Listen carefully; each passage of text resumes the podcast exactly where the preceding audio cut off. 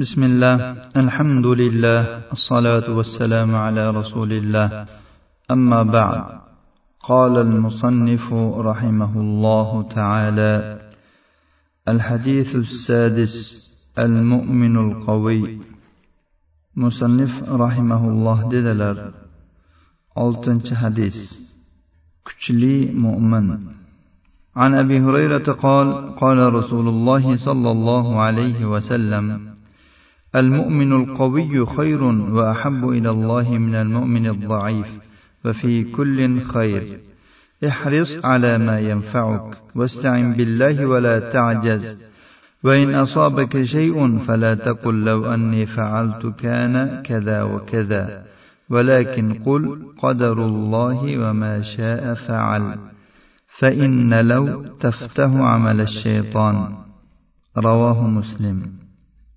Imom muslim abu hurayra roziyallohu anhudan rivoyat qilingan hadisda dedilar rasululloh sollallohu alayhi vasallam aytdilar kuchli mo'min zaif mo'mindan yaxshiroq va alloh taologa sevikliroqdir har birida yaxshilik bor. O'zingga foydali ishlarga haris bo'lgin. Alloh taolodan madad so'ra ojiz qolma. Agar senga biror narsa yetadigan bo'lsa agar men unday qilganimda mana bunday ishlar bo'lardi demagin. Lekin ollohning qadari olloh xohlagan ishni qiladi deb aytgan lav so'zi ya'ni agar so'zi shayton amalni ochib yuboradi. Qiyomat qoyim bo'lguniga qadar botil ya'ni nohaqlikka qarshi turishda bardavom jihodiy da'vat ekanligi islomning eng ko'zga ko'ringan xususiyatlaridandir alloh subhanahu va taolo aytadiki وقاتلوهم حتى لا تكون فتنة ويكون الدين كله لله sizlar kofir mushriklar bilan jang qilinglar toki shirk qolmasin va dinning hammasi alloh taolo uchun bo'lsin rasululloh sollallohu alayhi vasallam ushbu so'zni aytgan paytlarida naqadar rost so'zlaganlar. Men odamlar bilan toki ular alloh taolodan o'zga barhaq ma'bud yo'q men esa allohning rasuliman deb guvohlik bergunlarigacha odamlar bilan jang qilishga buyurildim.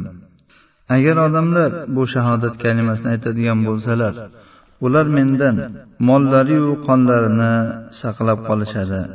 Faqat shu shahodat kalimasining haqqi bundan mustasnodir. Ularning hisoblari esa allohning zimmasidadir. Demak shahodat kalimasini aytishni o'zi qonni saqlashga kifoya qilsada lekin uning o'z haqlari bor. Qachonki haqqi ado etilmaydigan bo'lsa uning qoni halol bo'lib qoladi. Abu bakr roziyallohu anhu zakotni man qilishgan paytda ayni hadisni hujjat qilib shunga ko'ra amal qilganlar va ana shu zakotni man qilganlarni qonuni halol sanaganlar shu hadisga ko'ra. Ya'ni mana shu zakot berishlari shahodat kalimasini haqqi edi. Ular man qildimi? Demak buning haqqi uni qonini halol qilishdir deb turib ularga qarshi jang qilganlar. Ushbu dinning tabiati u o'zining atbolariga ya'ni o'ziga ergashgan kishilarga biror narsada tuballikni bo'lishiga rozi bo'lmaydi. Ular uchun hech qachon biron ishda xorlik etishini qabul qilmaydi. Alloh subhanahu va taolo aytganki azizlik olloh uchundir uning payg'ambari uchundir va mo'minlar uchundir. Shuning uchun ham jihod mo'minlarning jannatga va allohning rizoligiga olib boruvchi oxirat ne'matlariga olib boruvchi yo'ldir. Jihodni tark qilish va undan voz kechish xorlikni olib keladi. Nabiy sollallohu alayhi vasallam aytganlarki ey onamlar sizlar dushmanga ro'baro kelishni orzu qilmanglar. Alloh taolodan ofiyatni bunday narsalardan saqlashini so'ranglar. Agar dushmanga ro'baro keladigan bo'lsanglar sabr qilinglar va bilinglarki jannat qilishlarning soyasi ostidadir. Nabiy sollallohu alayhi vasallam ashoblarini jihodiy ruhda tarbiya qildilar. Shuning uchun ham ularning qalblari jihodga juda ham shavqli qalblari jihodga qattiq bog'langan edi. Natijada ular haqni gapirdilar amr ma'ruf qildilar nahiy munkar qildilar adolatni barpo qildilar. Ular jannat qilishlar soyasi ostida degan ma'noni atroflicha tushundilar.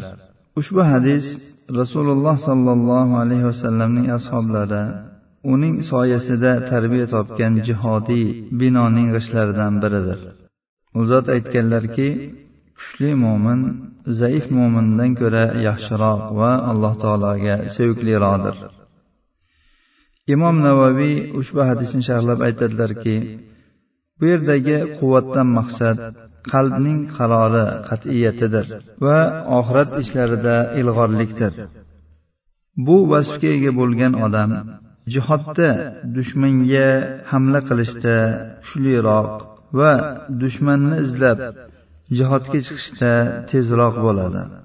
Amr ma'rufda nahiy munkarda va bularning ortidan yetadigan ozorlarga sabr qilishda alloh taolo yo'lida yetadigan mashaqqatlarni ko'tarishda kuchliroq bo'ladi.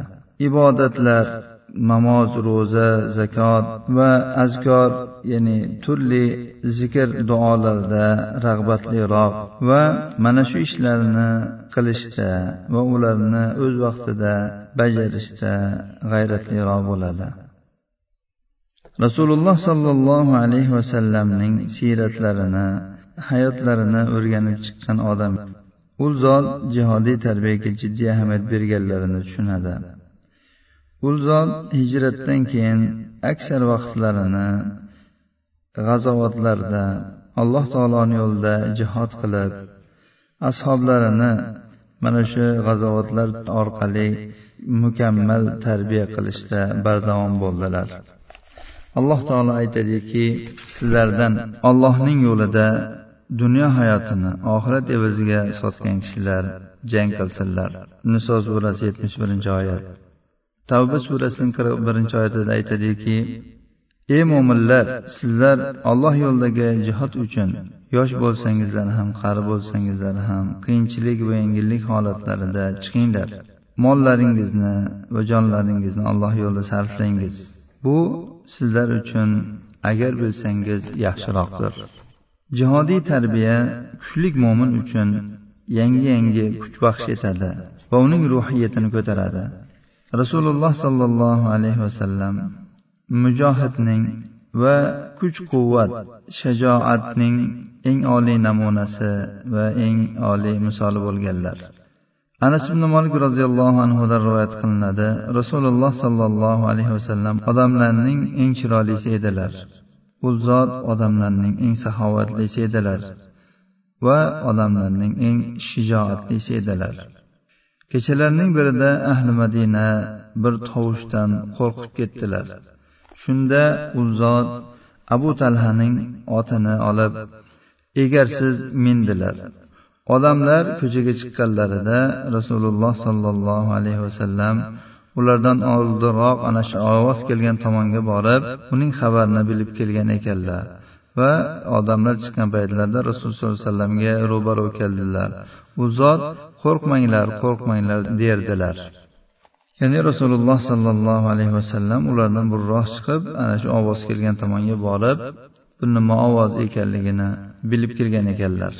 Tunda qo'rqmasdan shu yerga borib kelgandilar. Rasululloh sollallohu alayhi vasallam tez tez kuchli mo'minning jonli namunalarini chavandozlik va shijoat haqida chiroyli namunalarni taqdim etardilar.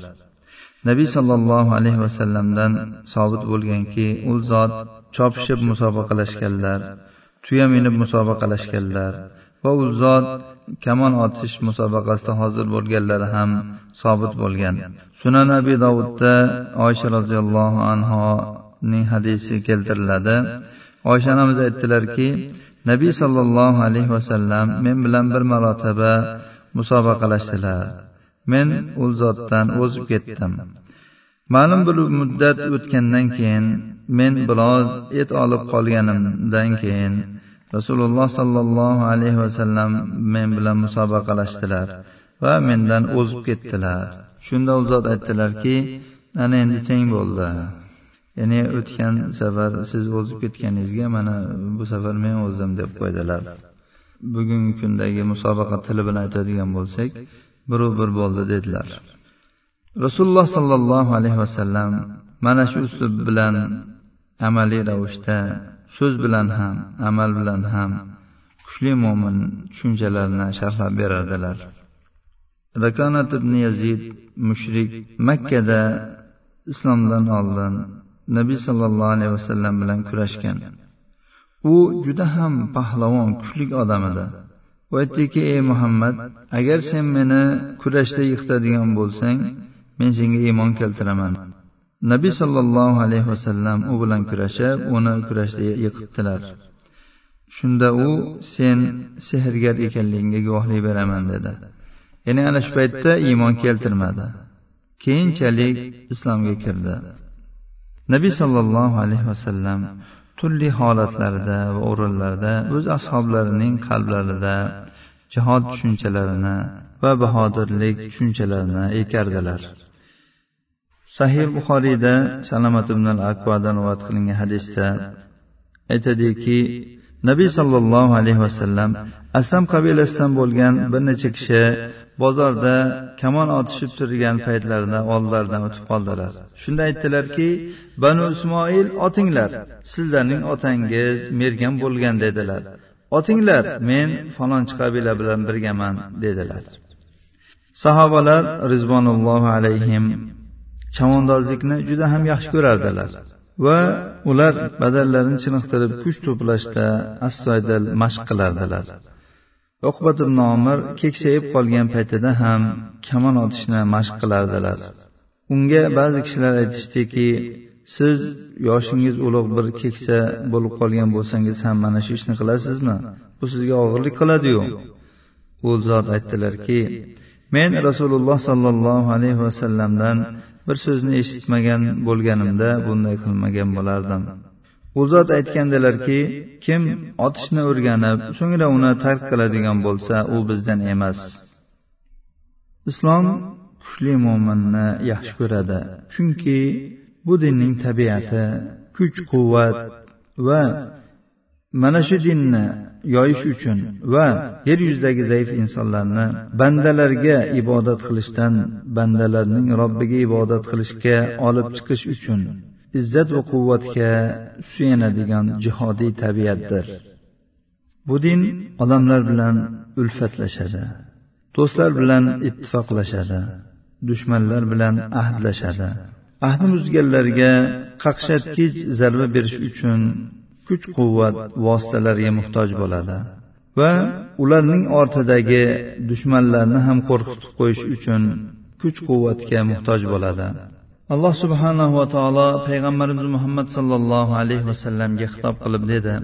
Siz biror qavmdan xiyonat sodir bo'lishdan qo'rqadigan bo'lsangiz ularning ahdlarini tashlang. Ya'ni ular bilan ahdlashgan bo'lsangiz o'rtada ahd qolmaganligini bayon qiling. Va ular ham sizdan ham o'rtada ahd yo'q ekanligini bab barobar bilinglar. Alloh xiyonat qiluvchi kishilarni sevmaydi. Ya'ni ular ahdni tashlamoqchi bo'lganda siz birinchi ahdni buzib ularga birinchi hujum qilmang degan ma'noda xitob qildi. Islom ahdini saqlash uchun ahdlashadi. Islom ahd qilgan bo'lsa ahdini saqlaydi. Agar o'zidan boshqasidan xiyonatni ko'radigan bo'lsa u o'rtadagi ahdni ochiq oydin buzilganligini e'lon qiladi. Ahdni buzilgandan keyin jang qilish kerak bo'ladi. Jang esa hiyladir. Jang sergaklik kuch quvvat va izchil harakatni talab qiladi. Chunki har bir tomon o'z ehtiyotini qiladi. Bu paytda hiyla nayrangning barcha vositalari mumkin bo'lib qoladi. Chunki bu yerda u xiyonat qilmayapti. Kuchli mo'min mana shunday holatlarda ham o'z o'rnini ko'rsatadi. O'zining kimligini ko'rsatib qo'yadi. Bunga tarixda ya'ni musulmonlar va kofirlar o'rtasida bo'lib o'tgan janglarda ko'p namunalar bordir shuning uchun ham islom dini kuch quvvat tushunchalarini jism ya'ni badan quvvatidan tortib qalam va mol quvvatigacha qamrab oladigan keng ma'noda qildi. Salaflar ham kuchli mo'min ma'nosini mana shunday keng ma'noda tushunganlar. Chavandozlik ikki xil bo'ladi deganlar. Ilm va bayon chavandozligi otish va sanchish chavandozligi. Nabiy sollallohu alayhi vasallamning ashoblari mana shu ikki chavandozlikda eng mukammal insonlar bo'lganlari uchun hujjat va dalillar bilan qalblarini ochgan bo'lsalar qilich va nayzalar bilan yurtlarni ochdilar. Odamlar mana shu ikki toifadan iboratdir. Mana shu ikki toifadan bo'lmagan kishi agar ularga yordamchi bo'lmaydigan bo'lsa insoniyat ustida ortiqcha bir yukdir. Darsimizni shu yerda to'xtatib turamiz. Qolganini kelgusi darsda davom ettiramiz inshaalloh